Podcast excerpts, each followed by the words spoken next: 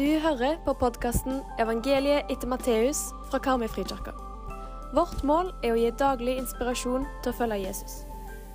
21. januar, Matteus 10, 1-15. Jesus kaller til seg de tolv læresveinene sine og gav dem makt til å drive ut ureine ånder og til å leke all sykdom og plage. Dette er navnet på de tolv apostlene. Først Simon, han som blir kalt Peter, og så Andreas, bror hans, Jakob, sønn til Sebedeus, og Johannes, bror hans, Philip og Bartolomeus, Thomas og tolleren Matteus, Jakob, sønn til Alfeus og Tadeus, Simon Kananeos og Judas Iskariot, han som sveik han. Disse tolv sendte Jesus ut, og han bød dem. Ta ikke veien til heidningene, og gå ikke inn i noen av samaritanbyene Gå heller til de bortkomne sauene i Israels hus. Gå og forkynn, himmelriket er kommet nær. Lek sjuke, vekk opp døde, gjør spedalske reine og driv ut vonde ånder.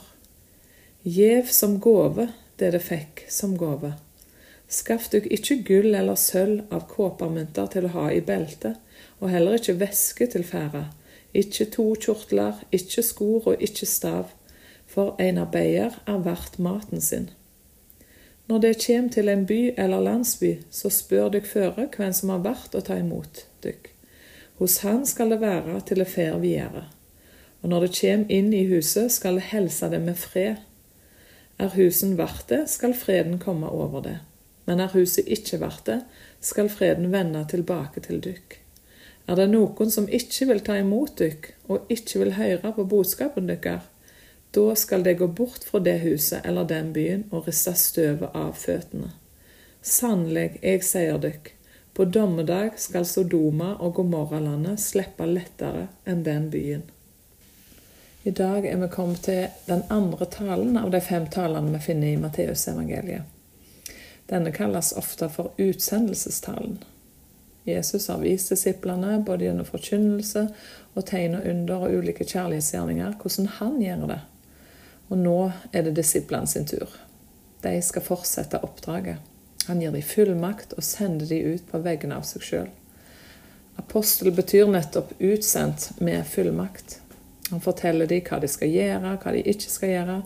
De trenger f.eks. ikke ta med seg så mye ekstrautstyr. De skal stole på at Gud er med dem, og at de møter på folk som forsørger dem.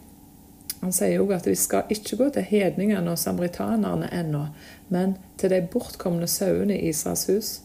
Det betyr at evangeliet skulle først til jødene. For senere, i Matteus 28, så blir misjonsbefalingen utvidet til å gjelde oss hedninger. Men hva det Jesus sier, eller ber de om å gjøre? Det er i hovedsak to ting. Det er å forkynne. De skal bruke ord og fortelle at himmelriket er kommet nær. Og de skal helbrede de som er syke eller plagte av andre vanskelige ting.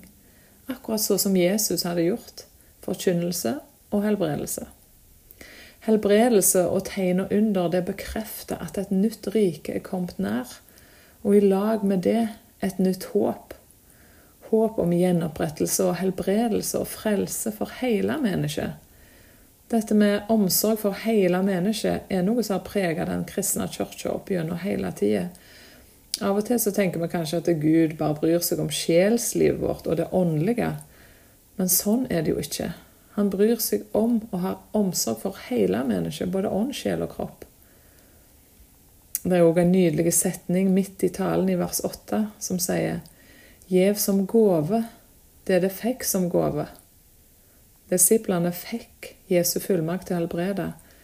Det er ikke noe de skal ta betalt for. De skal gi det videre som ei gave. Gi det videre det de sjøl har mottatt.